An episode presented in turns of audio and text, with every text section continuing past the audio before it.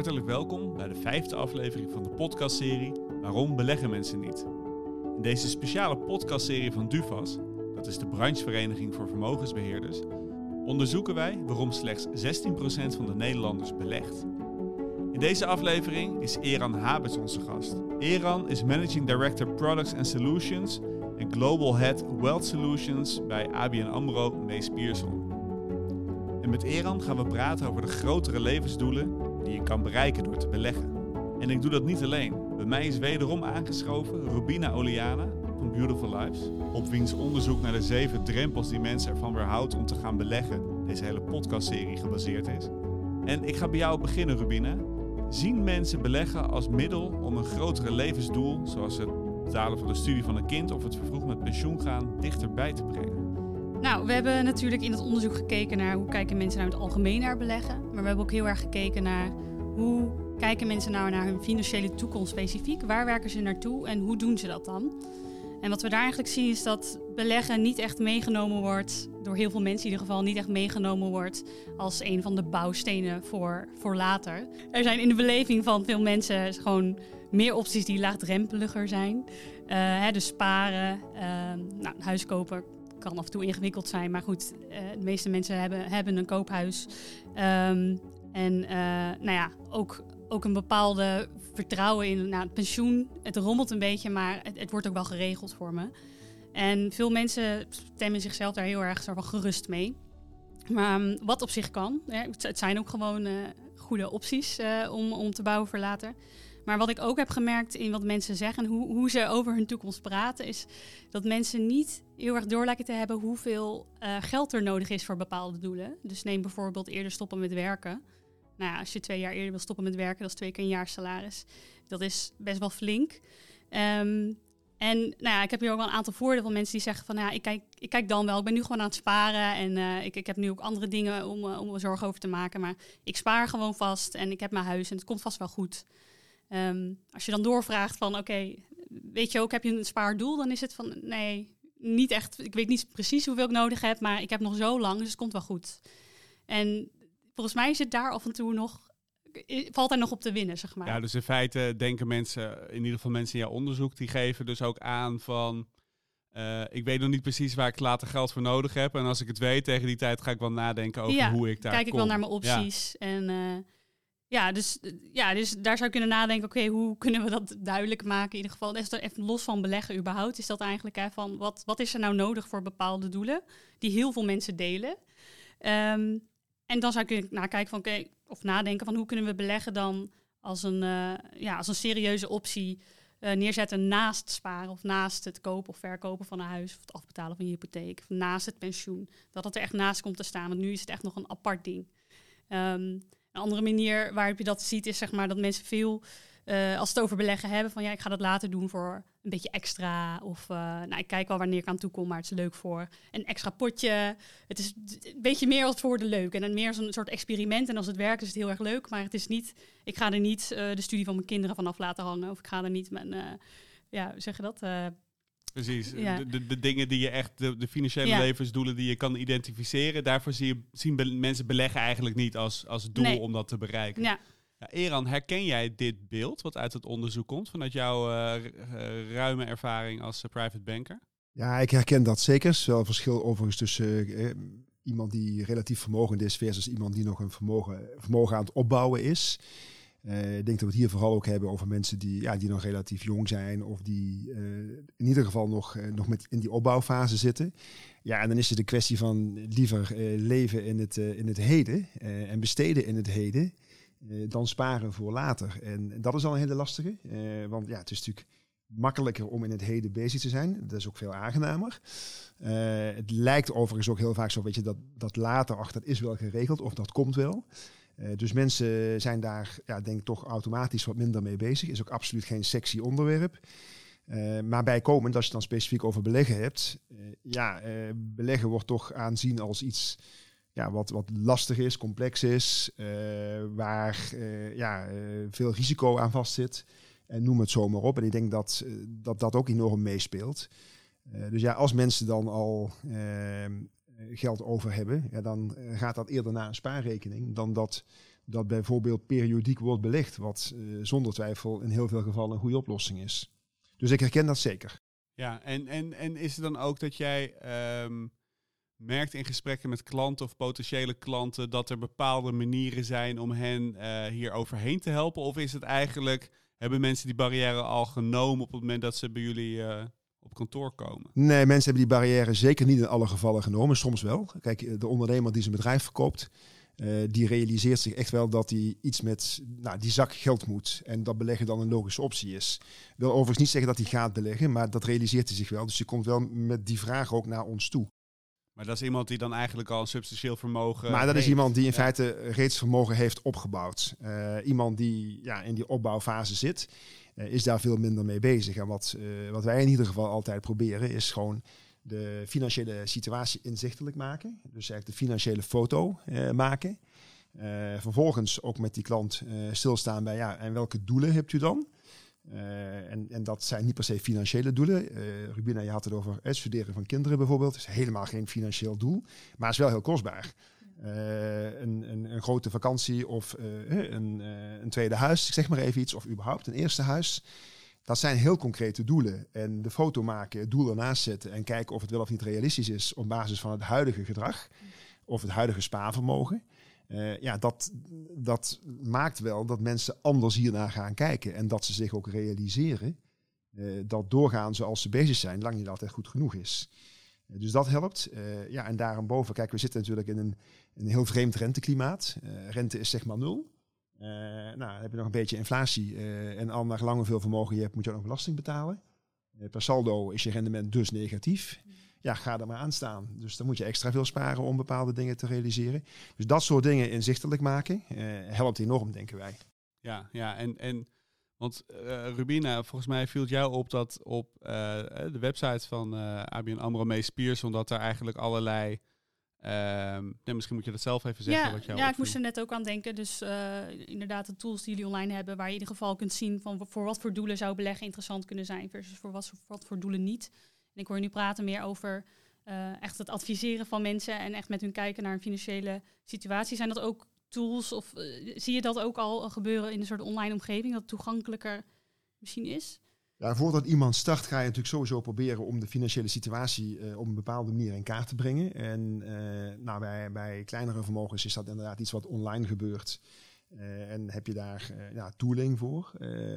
Maar dat is natuurlijk geen, geen sophisticated planning of wat dan ook. dat zie je pas wanneer de vermogens wat groter worden. In ieder geval, dan bieden wij dat aan. maar ook simpele tooling kan enorm helpen. En ik denk dat ja, daar waar op vandaag, dat is volgens mij wel iets wat we, wat we zullen gaan zien de komende jaren. Kijk, op vandaag moet een een klant dat allemaal bij wijze van spreken zelf doen. Moet je zijn data bij elkaar verzamelen. Moet je dat ingeven. Nou, noem het zo op, kost tijd. Mm. En is omslachtig met als gevolg dat hij ook best wel zou kunnen afhaken. Ja. Dat is trouwens ook zo. Die haakt ook vaak af in dat, in dat voortraject. Dus dat moet je vooral makkelijk maken. Dus naar de toekomst toe denk ik dat, en dat is ook, zijn ook zaken waar wij naar kijken dat je moet proberen hoe kun je alle data die, uh, die er zijn automatisch bij elkaar brengen. Vanaf dat de klant daar toestemming toegeeft. Mm. zodat de klant dat niet meer hoeft te doen. En dat wij het aggregeren en dat daar een plaatje uitkomt. Ja. Dat is denk ik wel waar we de komende jaren naartoe gaan. En dan ja. wordt dus ook al dit soort zaken worden dan ook veel toegankelijker. Voor, ook voor klanten met kleinere vermogens. Maar zit de barrière niet eigenlijk ook al een beetje daarvoor? Beleggen wordt geassocieerd met heel risicovol. Uh, met, met, heel, met, met, met, met, iets risicovols. Terwijl je natuurlijk, maar goed, dat weet de klant niet. Je kunt aantonen dat wanneer je spaargeld combineert met bijvoorbeeld aandelen, het risico niet per definitie toeneemt. Zeker niet op lange termijn. alleen de perceptie van de gemiddelde spaarder is een hele andere. En daar begint hij dus al. Dus um, ja, um, je moet eerst iemand naar de winkel toe zien te krijgen. Ja. Om vervolgens in de winkel uh, te, te, kunnen gaan praten ja. over wat er op het schap ligt. Want dit is ook iets wat we denk in de, de eerste aflevering uh, waar over hebben gehad. Dat hè, beleggen staat nu zo apart van de andere opties die misschien veel, ja, ja sowieso veel veiliger voelen. Uh, veel vertrouwder voelen. Dus dan heb ik het over sparen of nou, een hypotheekaanvraag. Ja, dat gebeurt ook gewoon heel veel.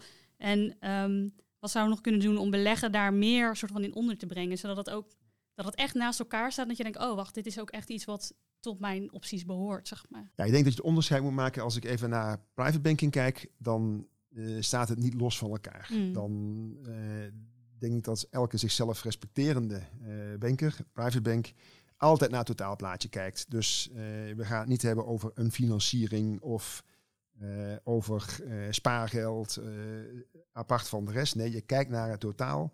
Wat ik al zei, je kijkt naar de doelen van een klant en daar komt een advies uit voort. En dan is de kans groot dat beleggen een onderdeel van dat advies is. Mm. dus dat is die kant.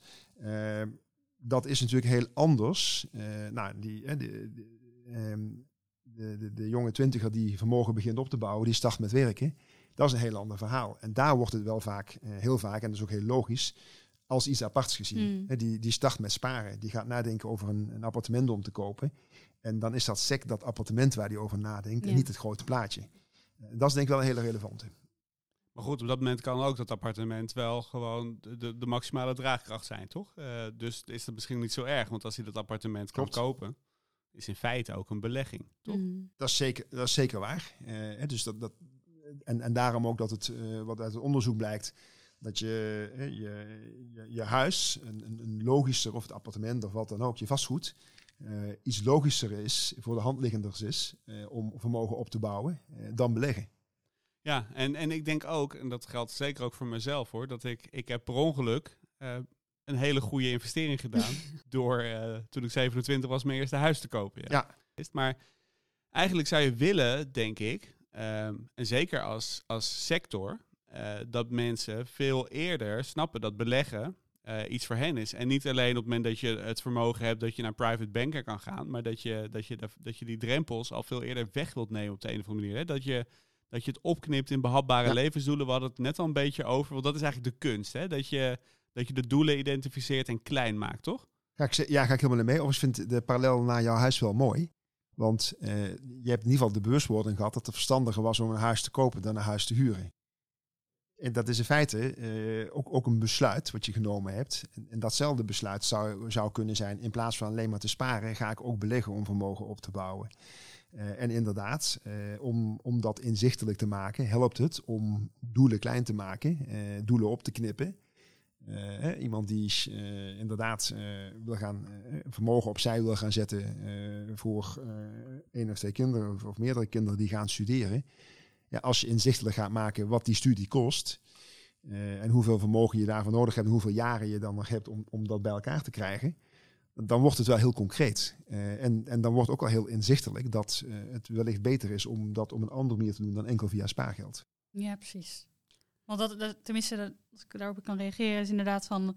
Ehm, misschien hoef je beleggen nog niet eens te noemen, maar gaat het gewoon puur om inzichtelijk maken van Ja. hey, dit is wat je nodig hebt. En mensen hebben heel goed door dat de spaarrekeningen zijn niet meer wat was. Dus dat, ze- dat ze op die manier misschien iets meer aangespoord worden om wel om zich heen te kijken. Kan je welke andere opties zijn er? Nee, maar ik ben dat helemaal met je eens, Sabine. Want kijk, beleggen is geen, eh, is geen doel. Hè. Het is Nee. niet meer dan een middel. Ja. Eh, het doel is eh, die studie. Of het doel is dat tweede huis. Ja, En ja, als dat via beleggen kan, prima. Maar in die volgorde. Ja, en, precies. en daarom ook dat het volgens mij altijd heel belangrijk is om, eh, of dat nou eenvoudig of, of complex is, eh, vanwege de vermogenssituatie of vanwege de doelen die er zijn, om eerst die situatie in kaart te hebben, eh, die doelen te stellen. Ja, en dan eh, zie je vanzelf wel wat wel en wat niet kan. ja. Ja, en zie je een taak voor financiële instellingen eh, om mensen daar echt in mee te nemen en misschien wat meer bij de hand te nemen? Want we zien, hè, we zitten hier in deze podcastserie omdat slechts 16% van Ja. de mensen belegt. Hè, terwijl er toch een stuk meer spaargeld is en het eigenlijk voor iedereen wel een goed idee kan zijn om eh, iets te beleggen. Eh, houden mensen, he- hebben jullie daar ervaring mee? Houden mensen ervan om bij de hand genomen te worden door de financiële industrie? Mhm. Ja, het zijn twee vragen die je stelt. Eh, maar ik, ja, laat ik even vanuit zelfreflectie redenerend eh, en, en reagerend. eh, dat doen we dus niet goed genoeg, want er belegt maar 16 procent. ik bedoel, laat ik daar, en dat geldt voor heel de industrie. Eh, ofwel het antwoord daarop is ja, zeker hebben wij een heel belangrijke rol. Eh, overigens niet alleen de bank of de vermogensbeheerder, maar ik denk de hele industrie. Eh, ook de toezichthouder. Ik bedoel, want ik bedoel, laten we eerlijk zijn. Als je morgen iets wil communiceren over beleggen en advertentie wil plaatsen, dan is de disclaimer net zo groot als de advertentie zelf. Dat is op zich helemaal niet erg, maar dat bevestigt wel, waar we het net over hadden, het feit dat beleggen is omgeven met, met ja, een imago van heel risicovol. terwijl dat lang niet altijd zo hoeft te zijn. Sterker nog, als je, dat, als je beleggen goed doet, dan, dan valt dat alleszins mee. dus, dus dat is denk ik wel, dus die rol die ligt, die ligt overal. En ja, doen we niet goed genoeg. Wat we daar bijvoorbeeld aan doen is proberen, nou ja, op verschillende manieren klanten mee te nemen in een stukje educatie, een stukje opleiding. En, en inzichtelijk maken hoe, hoe je dat kunt doen, hoe je kunt beleggen. inclusief meenemen en de risico's die daar wel en niet bij horen, en noem het zo maar op. En dat kan altijd beter. en daar kunnen altijd ook meer partijen mee, mee, actief zijn. En zou dat niet ook iets zijn wat jullie misschien wel, want nu, er is niet een sectorbrede voorlichtingscampagne erin of zo, hè? mensen bij de hand te nemen. Je zou je kunnen voorstellen, je hebt, even kijken, wat is een goede analogie? Je hebt natuurlijk campagnes gehad in het verleden ehm, dat je moet stoppen met roken. Ja. je hebt ook overigens, dat is een van de disclaimers, geld lenen kost geld. Je zou natuurlijk ook een campagne kunnen bedenken als sector. oud worden kost geld. Ja, uh, ja, want er zijn natuurlijk een aantal trends die, die onomkeerbaar zijn. Hè. Gelukkig worden we met elkaar ouder. longevity is, is, is een risico wat, wat we gewoon eh, niet, ja, niet voldoende onder ogen zien.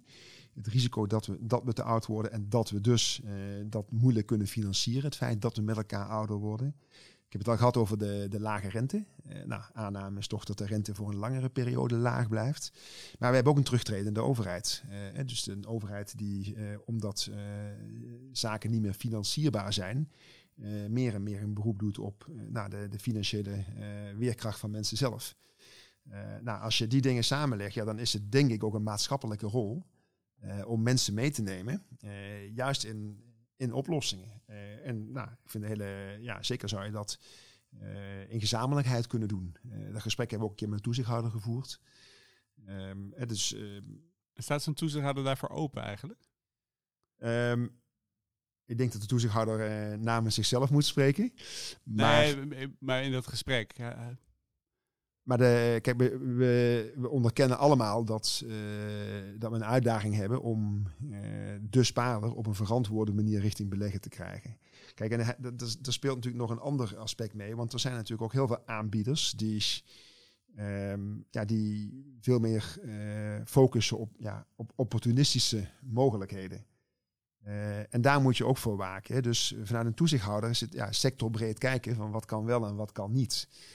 Um, en ja, helaas is het natuurlijk ook zo, dat het hebben we ook gezien uh, met de, de, correctie in maart vorig jaar, de coronacorrectie zeg ik dan maar. Ja, daar zijn uh, beleggers ingestapt die, die al wat langer op het vinkentouw zaten, van, maar, maar gewoon uh, een moment aan het afwachten waren om in te stappen. Over, we weten allemaal dat op lange termijn dat timen weinig zinvol is en ook heel erg lastig is. Maar er zijn ook heel veel opportunistische beleggers ingestapt, die, die gewoon een ritje wilden maken. Uh, nou, en dan kun je de vraag stellen of dat dan verstandig is. Dat is volgens mij het laatste waar je naartoe zou moeten willen als sector. Je wil gewoon dat mensen instappen die goed weten wat ze doen. Uh, en dat ook voor een langere termijn doen. Maar eigenlijk heb je als sector toch ook belang bij dat mensen transacties maken, toch? Daar, nee. daar zitten de nee, daar heb je geen. Nee, nee, nee. als sector uh, durf ik te, te, stellen dat wij klantbelang centraal. dat is zeker geen loze kern. Uh, wij, wij, willen echt het beste voor de klant. Uh, en uh, of een klant nou wel of geen transactie doet. A, zijn wij inmiddels zo georganiseerd dat ook wat, wat verdienmodel betreft, dat dat in de meeste gevallen irrelevant is. Dus er is ook wat dat betreft geen prikkel. en B, wil je gewoon, kijk, in, in end, en dat geldt denk ik voor elke aanbieder, klant tevreden, aanbieder tevreden.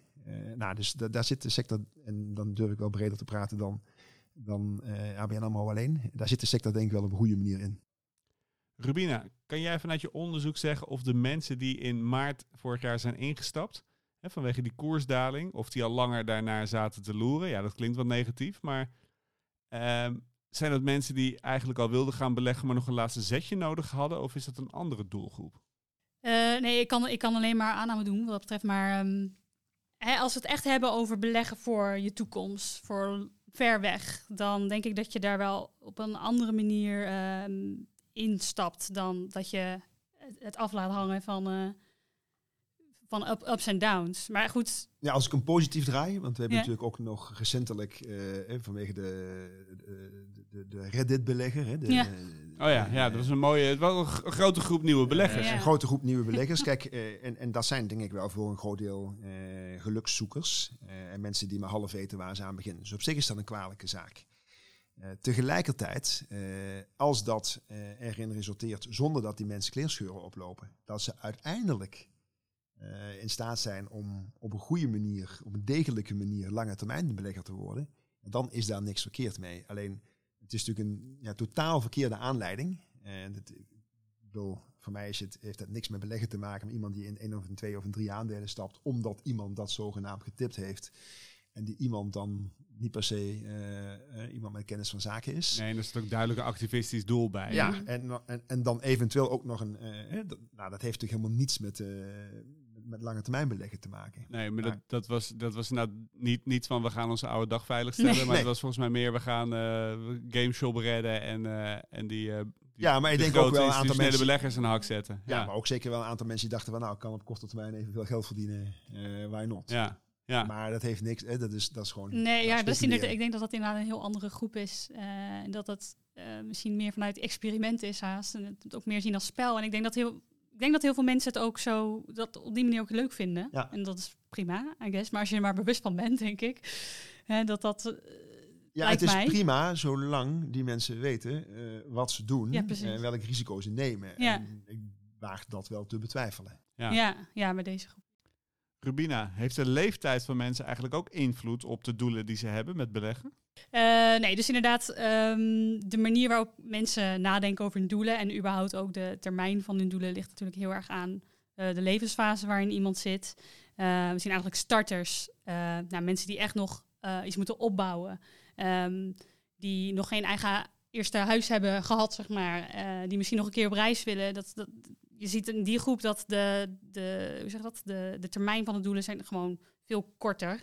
En ehm, in sommige gevallen is het ook gewoon een hele mooie eerste stap om op te bouwen. Dus ehm, binnen die groep is ook beleggen vaker iets, nog vaker iets van, ah, dat is leuk, of daar wil ik, dat wil ik een keer proberen, of ik wil er een keer mee spelen en kijken wat, wat er dan precies gebeurt. Maar om dat te koppelen aan doelen is zeker in die groep gewoon heel lastig. En daar herken ik mezelf ook heel erg in. Ik ben ook begonnen en ik denk, ik ja, weet want jij het- bent, even voor de luisteraar, jij bent Ja. achter in de 20, hè, denk ik. ik ben nu, eh, ik ben nu 27. 27, ja.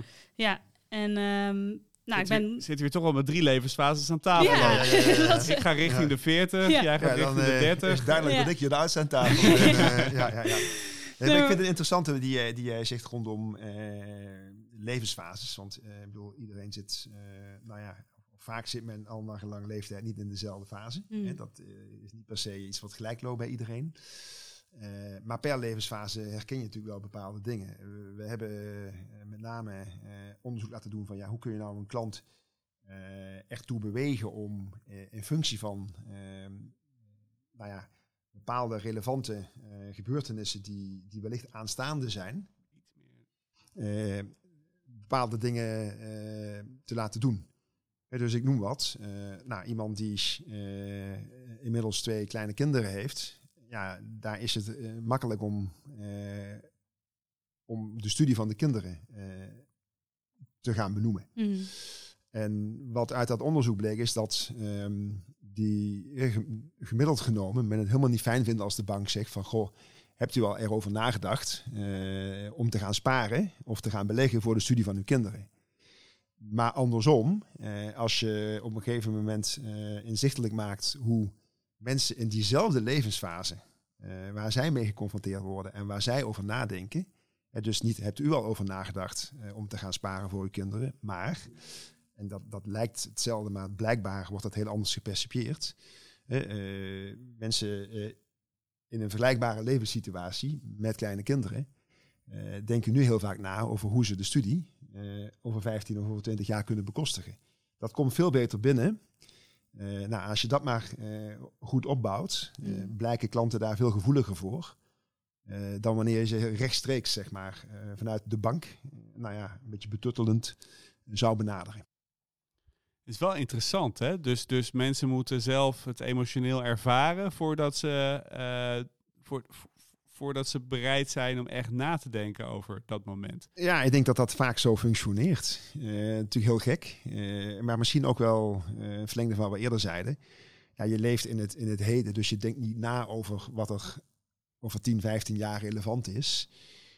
Maar door dat op een andere manier te zien, hè, door, door geconfronteerd te worden dat mensen in een vergelijkbare levensfase daar wel over nadenken, word je zelf ook aan het denken gezet. Mm. Ja. En dat is een beetje wat hier gebeurt. En wat ik interessant vind, hè, als het gaat over op het moment dat je kinderen krijgt, want ik heb dat zelf ook ervaren. Toen mijn kinderen geboren werden, dan krijg je opeens een horizon van 20 jaar. Ja, hè, je moet ja. opeens. Ja, je gaat in één keer hele andere zorgen krijgen. Ja. En uh, tuurlijk. Precies. En je, je leven wordt ook een stuk overzichtelijker in zekere zin. ja. Want je, je hebt een heel duidelijk doel. Maar, maar ook inderdaad die studie van die kinderen als, als paar- of beleggingsdoel. Dat wordt opeens ook heel duidelijk. Maar dat komt op het moment dat je ook wel echt een goede tijd nog hebt om het bedrag dat je nodig hebt. Hè, zeg, zeg een euro of 20.000. Ik weet niet eens of dat een realistisch bedrag is. Maar dat heb ik een beetje in mijn hoofd. Van die buffer moet er wel zijn per kind. Maar dat is in 20 jaar is dat eigenlijk relatief makkelijk op relatief goed te doen. Dat kan je zelfs bij elkaar sparen. Ja. Uh, pensioen is natuurlijk een stuk ingewikkelder. Want op het moment dat jij in de levensfase komt dat je mensen om je heen hebt die je niet als heel oud ervaart, hè, dus niet je eigen ouders, maar uh, ja, dan ben je te laat om nog je pensioen ja. op te gaan bouwen. Hè, op het moment dat de mensen om je heen beginnen te pensioneren ja. of uh, daarover na beginnen te denken. Ja, dus op een, op een goede manier dit uh, vergelijkbare situaties inzichtelijk maken, naar een klant toe brengen, helpt om daarover na te denken. Klopt. Ja, en, maar zonder ze te beduttelen. Nadrukkelijk, zonder ze te beduttelen. Ja. Laatste wat ding een bank of een vermogensbeheerder moet doen is zijn klanten betuttelen, want dat werkt averechts. Ja. En dat is in feite dan ook een grote uitdaging voor de sector. Van hoe ga je nou dat, uh, um, dat inzicht op een goede manier over het voetlicht brengen? Ja, klopt. Ja, en, en, en, we zijn begonnen met het stellen van doelen. Uh, maar dat, dat kan al heel betuttelend zijn. Uh, tegelijkertijd, maar op verschillende manieren iemand inzichtelijk maken dat hij dan nadenken aan ja. niks, maar het verstandig is om na te denken ja. over datgene wat, wat verder weg ligt, ja, is, is denk ik het allerbelangrijkste. Nou, dan moeten we daar dat misschien maar als opdracht meegeven aan de luisteraar. Uh, de industrie moet nadenken hoe we dit op een slimme manier uh, uh, tussen de oren kunnen krijgen bij, bij die 84% die daar nog totaal niet mee bezig is. Uh, Rubina, uh, mag ik jullie allebei hartelijk danken voor jullie deelname aan dit gesprek. Leuk om te doen, Sander. En jij ook dank. En daarmee zijn we aan het einde gekomen van de vijfde aflevering van de podcastserie Waarom beleggen mensen niet? In de volgende aflevering gaan we in gesprek met Martin van Wiende van beleggingsfonds Hoofdbos. Martin publiceerde onlangs het boek met de veelzeggende titel Je leeftijd als goudmijn. We gaan Martin er alles over vragen. Mijn naam is Sander Heijnen. Tot de volgende keer.